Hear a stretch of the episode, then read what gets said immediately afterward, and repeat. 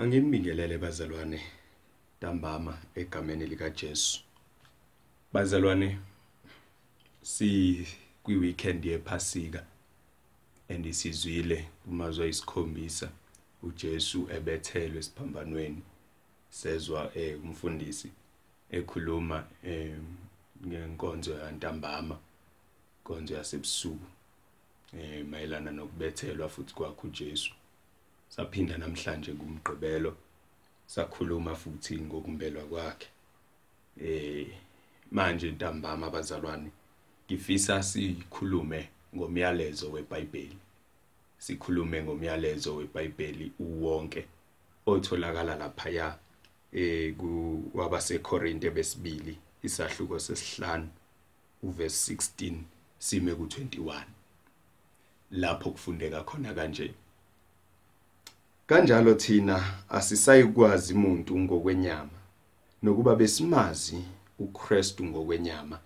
Nokho manje asisamazi. Kanjalo uma umuntu ekuKristu uyisidalwa esisha okwakuqala kudlulile bheka sekuvela okusha.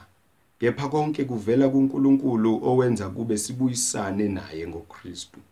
Wasinika inkonzo yokubuyisana ngokuba uNkulunkulu ekuKristu wenza ukuba izwe lonke libuyisane naye engabaleli iziphambeko zabo ebeka kithi izwi lokubuyisana. Ngakho singamanxusa kaKristu ngokungathi uNkulunkulu unxusa ngathi siyancenga esikhundleni sikaKristu sithi buyisanani noNkulunkulu ongasazanga isono wamenza isono ngenxa yethu ukuze kuyena senziwe sibe ngokulunga kukaNkulunkulu asikhuleke. Babe egameni lika Jesu Kristu waseNazaretha. Kuyintokozo kithi uNkulunkulu wethu namandla onke ukuphinda siza kuwe ntambama egameni lika Jesu Kristu waseNazaretha ukuzokuzwa nokukulalela sisemakhaya egameni lika Jesu sivimbelekile kuba senkonzweni yephasika kodwa siyabonga ukuthi wenze inkosi yami kwaphosebule ukuba sibe neaccess kuyintshumayelo. Sizwe inkosi yami izwi lakho egameni lika Jesu phinde inkosi yami ulichaza ngalesi sikhathi ebese inkosi yami yaligxilisa enhlizweni zethu kusukela manje kuze kube kuphakade amen. Bazalwane kule ncwadi esiyifundile eh ebhala uPaul 2 Corinthians chapter 2 uh, 2 Corinthians chapter 5 sorry verse 16 to 21 ngifuna sibuke kancane bazalwane sivezakale sizibheke sizibuze ukuthi sibuka kuleli passage kodwa sibuka ke ukuthi sibuka ukuthi singobani thina? And yini eyenziwa uNkulunkulu? Nokuthi futhi sifanele ukwenzani thina? Bazalwane njengamanje ngifisa ukuba sikhulume eh mayelana nenkonzo yokubuyisana noma sikhulume ngokubuyisana. And uma ngithi ngifuna sibheke noma sizibheke ukuthi siwobani. Ngikushiswe lokhu iloku okushiwo uPaul lana kule ndaba yakhe esiyifundayo methi angiseyikumazi umuntu ngokwenyama. Impendulo ke yalombuzo enginawo ukuthi singobani thina izimbili ukuthi sizidalwa zikaNkuluNkulu bese futhi singabantwana khona idala zikaNkuluNkulu bese kuba khona abantwana bakaNkuluNkulu. Now uma ke kukhona ke abantwana bakaNkuluNkulu bese kuba khona idalwa zikaNkuluNkulu angiqale ngichaze mayelana ngedalwa zikaNkuluNkulu.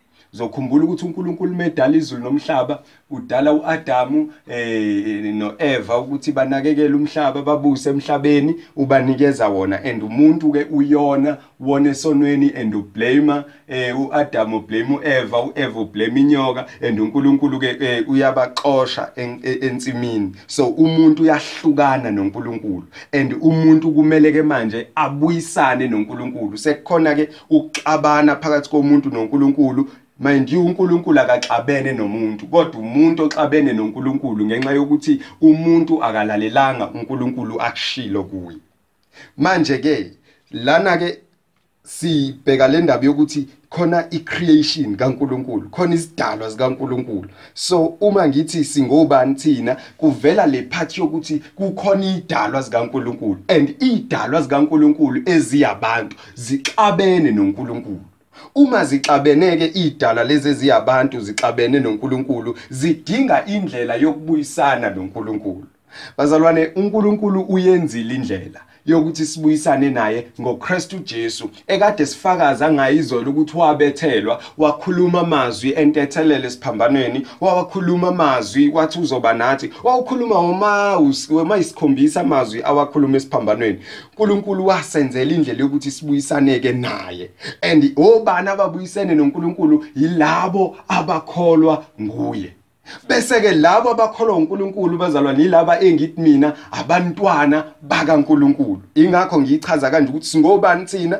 Thina ke njenganebandla likaNkulunkulu singabantwana bakaNkulunkulu. Usho njalo phela uJohn eh ku 1 John chapter 3 uthi Eh, bhekani uthando lungaka lokuba sibizwe ngabantwana bakaNkuluNkulu futhi siyibo. Ngamanye amazwi ke bazalwane lokhu ke kuyahlukanisa phakathi kwezidalwa yebo sizona idalwa kodwa silezi ezihlukene ezisindisiwe ezingabantwana bakaNkuluNkulu. Bese kuba khona nje labo abayizidalwa nje zikaNkuluNkulu. Manje ke uPauli ukhuluma ngalezi idalwa eseyisindisiwe ke ukuthi ngalokho angiseyikumazi umuntu ngokwenyama. Lezi ezidalwe eziyithina ke manje aseyukwaziwa ngemisebenzi yethu yayizolo aseyukwaziwa ngendlela ekade siphila ngayo kuthangi kodwa uthi angiseyukumazi umuntu noma angiseyukumazi umuntu. Eh ngemisebenzi yakhe yenyama. Angisekumazi umuntu eh njengoba kade ngimazi ngokwenyama kade saphila enyameni. Angiphela thina abazalwane asekho enyameni.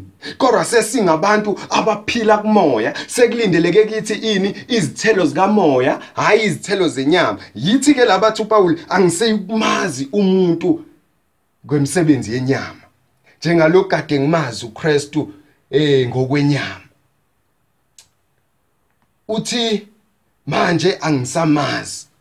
Bazalwane uPauli into ayivezayo la mhlawumbe uzama ukuveza ukuthi noma uzama ukuziveza yena njengoPaul ukuthi abazalwane bamkhumbula. Abantu base baseKorinte bayamazi njengowayezingela amakholwa. Kodwa manje sekunzima kwabanye eh, ukuthi bamamkele njengalokhu nasebandleni kwizenzi ibandla laseJerusalem kwabanzima kwabanye ukumamkela ekuqaleni. Namanje ke nalakhona laba bavukayo ebandleni laseKorinte badala iconfusion. Manje ingakho ke veza ke lana angiseyukumazi umuntu ngokwenyama nina benimazi uPaul yebo okade zingela amakholwa. Kodwa manje emva kokuhlangana kwakhe naye uKristu endleleni yeDamaseko kwaphenduka kwabakhona isidalo esisha. Ingakho uverse 17 wakhona uthi kanjalo uma umuntu ekuKristu Jesu uba yisidalwa esisha ngamanye amazwi laba bayizidalwa nje ayena asana asibanakile ke la akabanakile ke la uPaul kodwa ukhuluma ngale idalwa ezisha ukuthi ke labo abathi bangabantwana bakaNkuluNkulu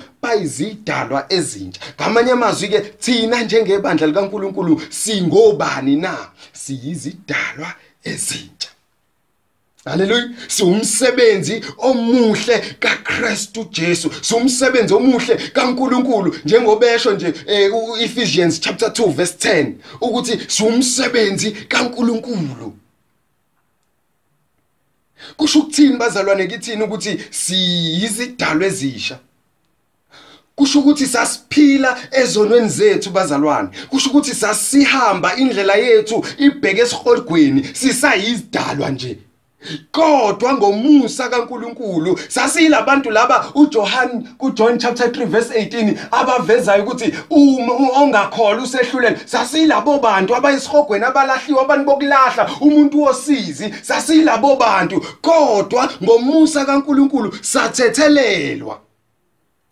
uNkulunkulu wasenza ukuba siphile futhi ngoKristu Jesu. Mohamba yofunda kuEphesians chapter 2 verse 5 uzokuthola lokho ukuthi savuswa kanye noKristu saphila sanikezwa impilo entsha ingakho manje sesiqualifya ukuba sibe ngabantwana bakaNkulunkulu. Yiloko kuphendula lo mbuzo oqale nginawo ukuthi singobani thina? Singabantwana bakaNkulunkulu. Lokhu John akushoyo ku chapter 3 verse 1 first John singabantwana bakaNkuluNkulu. Lokazafaka isigxivazo athi futhi siyibo. Asisona nje izidalwa ezixabene noNkulunkulu kodwa singabantwana ababuyisene noNkulunkulu. Njengalokhu sikwinkonzo yokubuyisana inkonzo yereconciliation iyona ke lebazalwane singabantwana ababuyisiwe kuNkulunkulu ngoKristu Jesu. Sikhumbule labazalwane uNkulunkulu uNkulunkulu bazalwane. Akaxabene noma uNkulunkulu akalahlekile akakude akadingi ukuthi uNkulunkulu azibuyisele kithi. Ithina esilahlekile ithina esilandele imfuno zenyama. Kodwa uNkulunkulu usiyasibuyisa ke thina usibuyisela kuye ngoKristu Jesu. Haleluya so bazalwane sithola lokho singobani thina? Sinalempendulo ke ubani laba athi bayizidalwe ezintsha? uPauli amakholwa abazalwane. And uNkulunkulu wenzeni ke ukuze thina sibe abazalwane ukuze thina sibe ngabantwana bakhe. Wenzeni uNkulunkulu? uNkulunkulu bazalwane njengoba ngishilo usibuyisile thina kuye.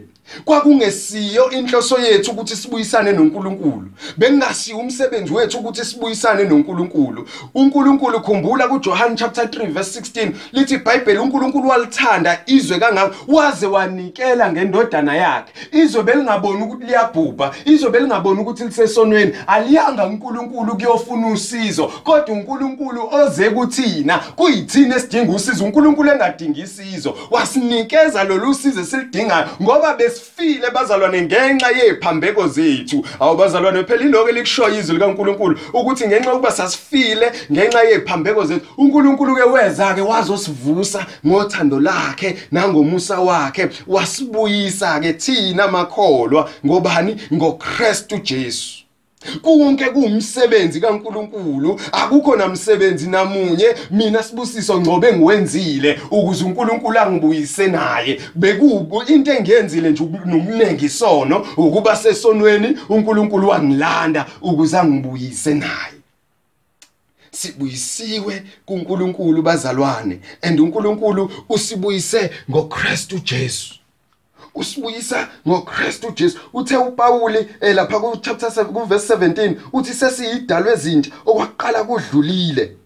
Uthi kepha konke kuvela kuNkulunkulu. Ilo mbuzo wesibili obulandelayo ukuthi uNkulunkulu wenzani?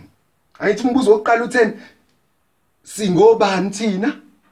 Savela ukuthi besiyizoni? Kodwa manje sesiyabasindiswa ngenxa yokuthi uNkulunkulu usibuyisile ngoKristu Jesu. Seyabuza ke lona usibuyise kanjani? Wenzeni uNkulunkulu? Usibuyisile ngoKristu Jesu kithina ngokuthi athumele indodana yakhe ezelwe yodwa bonisa uthando lakhe ngoKristu Jesu ukuthi afe endaweni yethu abalele kithi kuye izono zethu abalele kuye zonke iphambeko zethu agcwale eh, eh, eh, izono neziphambeko namanyundululu. Sonke isono ongasicabanga sabalelwa kuye uKristu Jesu ukuze thina sibe njani? Sisindiswe sibuyisane naye uNkulunkulu. Uthi ke uPaul la kuverse 18 kepha konke kuvela kuNkulunkulu owenza ukuba sibuyisane naye ngoKristu Jesu. Ngamanye amazwi thina sibanga namthelela ekuthenini uNkulunkulu aze asibuyise. Sezwana bazalwane? Asibanga nawo asibanga nayo ipush enikeze uNkulunkulu. Besingebahle. Besingabona abantu bokuthi singabuyisana noma uNkulunkulu engenza ukuthi sibuyisane naye. Besiyabantu bosizi besiyabantu bokulahlwa besifanele ukufa kodwa ngomusa wakhe nangothando lakhe. Wathumela indodana yakhe ukuba thina sibuyisane naye. Lokho akwenza uNkulunkulu. And akagcinanga ngaloko kuphela. Mawufunda eh uverse 18 uqhubeka uthi wasinika inkonzo yokubuyisana. Wasinikeza inkonzo yokwenzana uNkulunkulu yokubuyisana. He gave us a ministry of reconciliation. Kusho ukuthini lokubazalwane yini ministry umsebenzi. Sezwana abazalwane iminister umsebenzi iministry umsebenzi. Wasinikeza umsebenzi wenkonzo yani yokubuyisana. Ngamanye amazwi ingakho phela uPauli ezothi meqhubeka athi ngokuba uNkulunkulu ekuKristu wenza ukuba izwe libuyisane naye engabaleli iziphambeko zabo ebeka kithi izwi lokubuyisana. Lapho usechazani uchaza indaba yokuthi uNkulunkulu wasibuyisa kanjani. Akabalelanga kithi izono zethu. Akabalelanga kithi amacala ethu. Kodwa amacala ethu namaphutha onke wawabalela kuKristu. Uma ufunda eh ku 1 Peter chapter 1 verse 24 and 25 lithi lapha iBhayibheli yena wathwala izono zethu emzimbeni wakhe. Yebazalwane wawazithwala uJesu izono zethu emzimbeni wakhe esiphambanweni ukuze kuthi sesifile ezonweni siphile ekulungeni kwakhe uJesu. Lithi iBhayibheli oyena imivimbo yakhe thina saphulukiswa ngayo. Usho njalo uFirst Peter chapter 1 verse 24. Unje sasinjengezimvu ezidukileyo ezilahlekileyo. Ngamanye amazwi uNkulunkulu wasibuyisa kanjalo ke engabaleli izono zethu kodwa ke wasinikeza wasithemba kangaka ukuthi azasinikeze inkonzo yokubuyisana. Iyona le athi uPauli eh kuverse 20 ngakho singamanxusa kaKristu. Ngokungathi uNkulunkulu unxusa ngathi siyancenga esikhundleni sikaKristu sithi buyisanani noNkulunkulu. uNkulunkulu senze abashumayeli. uNkulunkulu senze sibe ofakazi ukuthi asihambe siyofakaza kubantu ukuthi ababuyisane noNkulunkulu. uNkulunkulu sithumile ukuthi asiye kwizidalwa zakhe laba bangakazani naye laba abamiyekile uNkulunkulu laba balandela imnako yezwe usenze ukuthi sibe ngabazofakaza ngaye uthi asihambe siyobatshela indaba ezimnandi ukuthi sikhona indlela sewukhona umendo sekuyahambeka sekuyabuyiseka. Umuntu kade onile umuntu kade lahliwe umuntu kade fanele ukufa seyikhona indlela uNkulunkulu useyenzile ngoKristu Jesu ukuthi abantu babuyisane naye. Akudingi ikhwepha akudingi ithukuthuku zabo kodwa bona badinga ukukholwa ukuze babuyisane noNkulunkulu. Sobani thina? Siyidalwa zikaNkulunkulu. Sabantwana bakaNkulunkulu and futhi siyibo.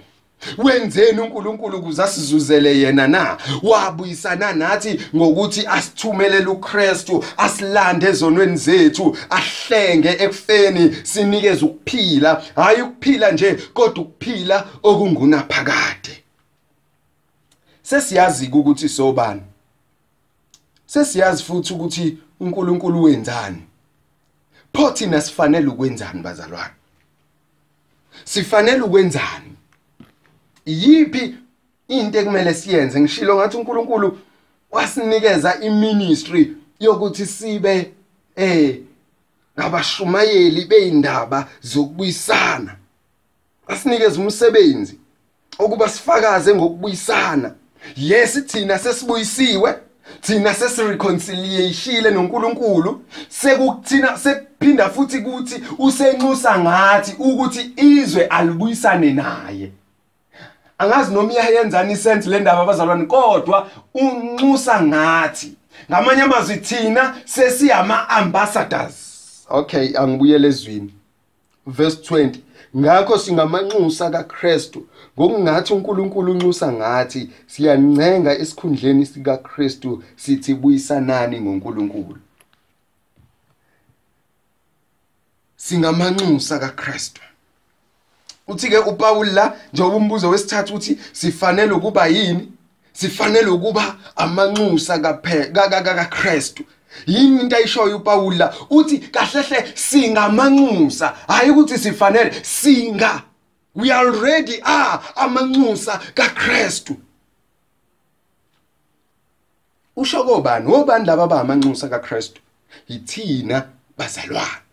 Ithine sesizibiza ngabantwana bakaNkuluNkulu? Yilabo bathi babuyisene noNkuluNkulu. Uthi ke siyanxusa. Kungoku uthi siyancenga nga e- esikhundleni sika Kristu sincenga abantu ukuthi ababuyisane noNkulunkulu ngoba useyakhila indlela. Ngokuba endaweni yethu uKristu wafa. Hm bazalwane verse 21 ongasazanga isono wamenza isono ngenxa yethu ukuze kuyena senziwe sibe ngokulunga kukaNkuluNkulu. Ngamanye amazwi kungani abantu babuyis kumele babuyisane noKristu Jesu ingenxa yokuthi esikhundleni sethu? Nkosiyami esikhundleni sethu uKristu wafa.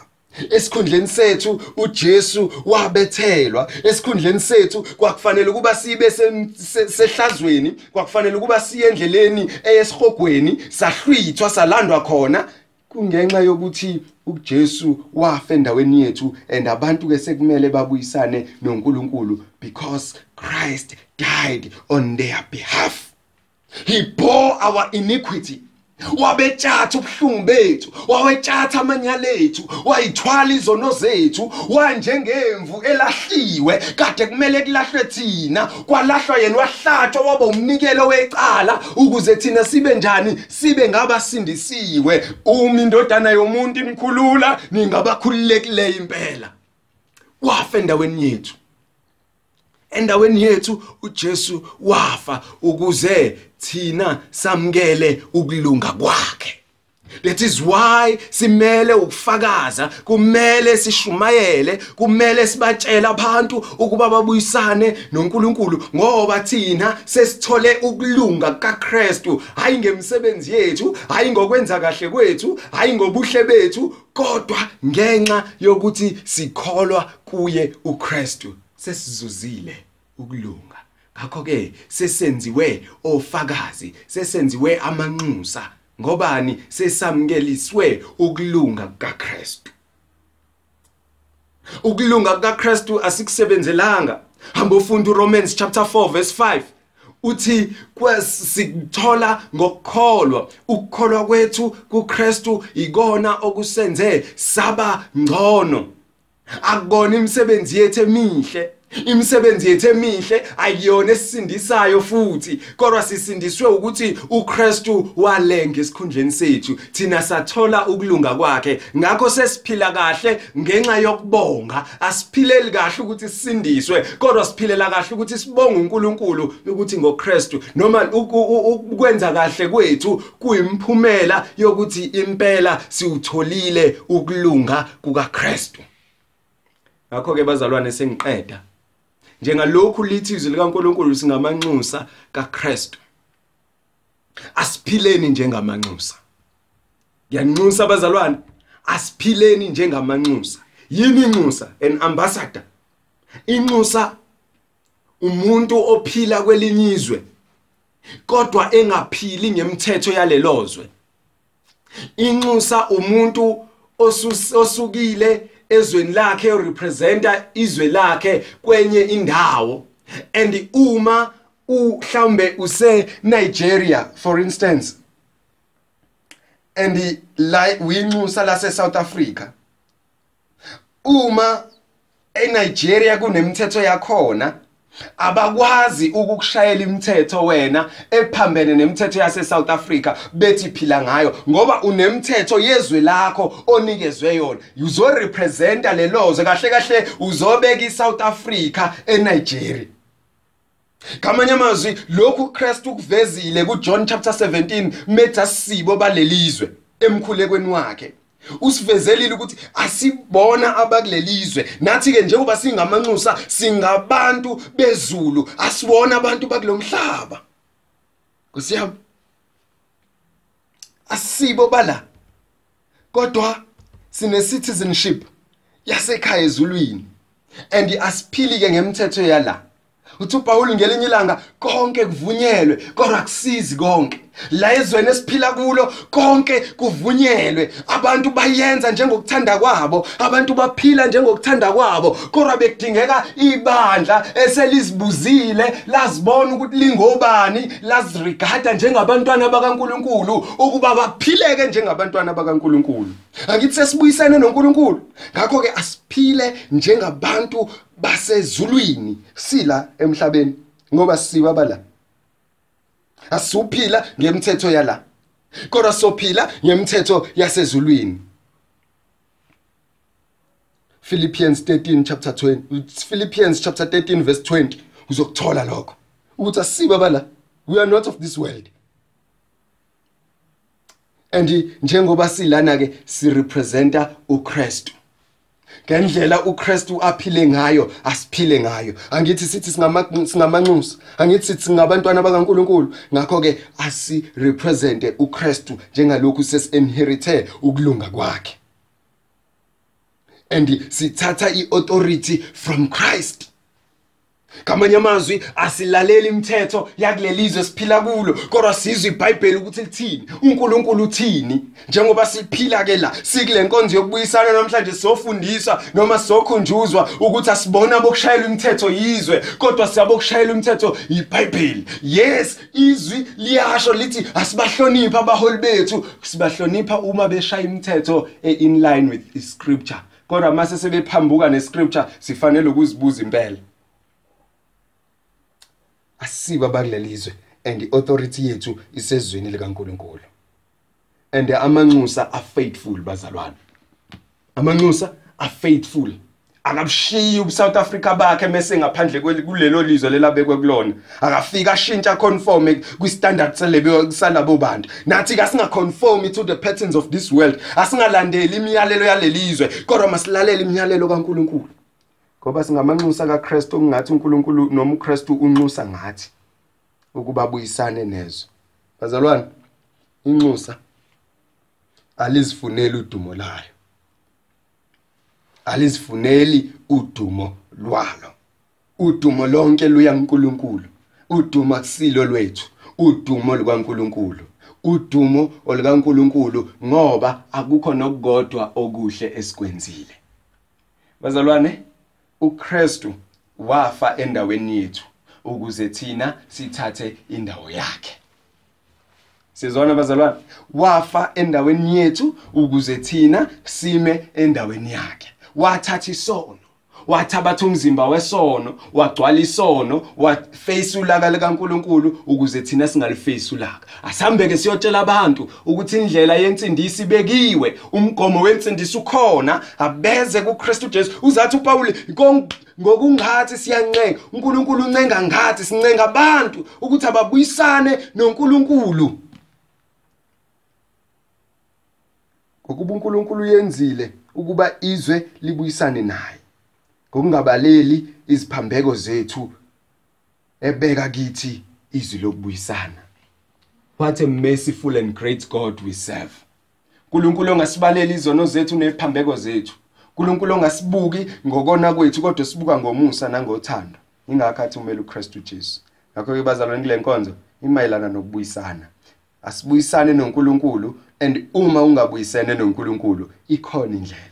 Wayenza ngoKristu Jesu. There is why alenge esiphambanweni afa endaweni yami ukuze mina ngisindiswe. Ngishilo ngathi iambassador izifunela udumo futhi iambassador le eyithina sinezwi elibekiwe kithina ukuthi sihambe siyotshela abantu ukuthi ababuyisane noNkulunkulu. Buyisanani noNkulunkulu? Buyisanani noNkulunkulu. Lo umyalezo enginawo namhlanje bazalwane myalezo wokubuyisana myalezo woxolo ukuthi kade sixabene ukuthi kade sihlupheka singazi ukuthi indlela ekhaya ezulwini ibonakala kanjani kodwa uNkulunkulu uyenzile. Ngendodana yakhe ezelwe yodwa enguKristu Jesu ayithumele ukuba ife endaweni yethu sesisindile. uNkulunkulu usenzele umusa and usindisile. Ngakho ke bazalwane na indlela. Indlela yinye usho njalo uJesu athi isango yimi. Mina indlela neqiniso akekho oza kubaba ngaphandle kwami and nansi ke indlela. Ilokhu kakushoyo la ukuthi siya kuNkulunkulu sibuyisana ngoNkulunkulu ngoJesu kuphela. Hayi ngokwenza kahle hayi ngokwenza kabi. Kodwa abazalwane angikucizelele lokhu sengivala. Ukwenza kahle kwethu kumbonga uNkulunkulu. Uma ungenzi kahle ungabe uinherithe ukulunga kabani. Ngoba ukulunga kaKristu kumele kubonakale kithi. Kristu uyindlela neqiniso. Eh uyena kuphela esingaya ngaye kuBaba. Ngakho ke nansi indlela uBaba usinikezile. Asihambe siyotshela abantu asihambe siyofakaza ukuthi yenziwe indlela. Seyikhona indlela ihelebhiwe ehlane. Yenziwe ukuze thina sibuyisane noNkulunkulu. Nkosi yomusa inibusise bazalwane asikhuleke egameni lika Jesu Baba siyabonga egameni lika Jesu Christ inkosi ukuthi kusukela emaphakadeni wahlela wasihlelela uNkulunkulu wethu ongcwele ukuba sibe nendlela yokubuyisana nawe. Siyabonga baba ukuthi wasisindisa siyabonga baba ukuthi wasizuzela wena uqobo sikunikeza udumo. Thatha udumo nezibongo namandla nobukhosi nangalesi sikhathi. Usingcwelise siyale ngezwi lakho njalo usifundise. Sibonga ukuthi Nkosi yami wabuyisana nathi singenzanga kahle. Wabuyisana nathi Nkosi yami singabantu ababi abagcwele isono. Wasenza Nkosi yami saba ngabantu abahle. Wasigeze bubini wasenza abangcono. Siyanxusa futhi ukuthi Nkosi yami sesilizwile izwi lakho. Sizophuma Nkosi yami kuyofakaza. Sizohamba Nkosi yami sitshela abantu ukuthi uyenzile indlela uyenzile indlela yokuba sibuyisane nawe and usenzelile yona okuyintokozo kithina njengamakholwa kulesikhathi baba senzele umusa. Kuba abantu masibaxoxela le indaba bayibone. Egameni lika Jesu Kristu waseNazaretha size inkosi yami siphile ngendlela. Egameni lika Jesu si-apply inkosi yami ama kingdom principles ezimpilweni zethu. Singaphili inkosi yami ukujabulisa inyama ngoba siba bakulelizwe kodwa singabakho nkosi singaba sezulwini. Mongcwele sisize usibeke uphawu lokuba sihambe ngendlela egameni lika Jesu thatha udumo wena ngalesikhathi kuze kube kuphakade egameni lika Jesu baba ngiyakhulekela abazalwane lesemakhaya egameni lika Jesu Kristu waseNazaretha. Phinda ukubagcina ubalondoloze ubavikele ubathwale ngosiyami nakulesifo ngosiyami esithusa umhlaba wonke egameni lika Jesu laba bagonywe ngegazi lika Kristu Jesu bavikele ngosiyami singafiki kubo egameni lika Jesu Kristu inkosi baba thwala isizwe sakho siphulukise egameni lika Jesu senzele umusa. Baba siyathandaza ukuthi ngosiyami nalabo asebexegelwa ukholo lwabo egameni lika Jesu ngenxa yokungahlangani ngenxa yomngezwa. uNkulunkulu wethu ongcwele mhlawumbe abanye abakutholi ithuba lokulalela izwi lakho bavuseleleke and usathane uyashumayela intshumayelo yokuwa kubona baba bakhumbule bapha amandla baqondise bavuse ngokukholwa egameni lika Jesu baba wethu namandla onke sonke sivuselele. Usikhumbuze uthando lakuqala wasinika lona ngoKristu Jesu. Baba siyabonga. Ukuthi usenzele idili lokuba ngosiyami sidle sizwe izinto zasezulwini. uNkulunkulu wethu onamandla wonke siyakubonga ke ukuthi uza kusiprovidela. Abanye inkosi yami baswele emakhaya abazi inkosi yami bazodlani nazi izinsuku zinyuswa inkosi yami zokuvaleleka abazi ukuthi inkosi yami bazohlanganisani nani. Baba yiba isixazululo yiba isisombululo thwala abantwana bakho. Egameni lika Jesu lethu ukuthula ulethe injabulo ibe khona ichichime. Thatha udumo nangalesikhathi. Nezibongo namandla nokukhosi ukuba kukufanele. Siyakhuleka inkosi encwele iba nathi oJesu Kristu inkosi. Umusa wenkosi yethu uJesu uthando kaNkuluNkulu Baba hlanganyelo kaMoya ongcwele makube nathi sonke kusigcine kusilondoloze azafika uJesu Kristu inkosi yethu. Amen.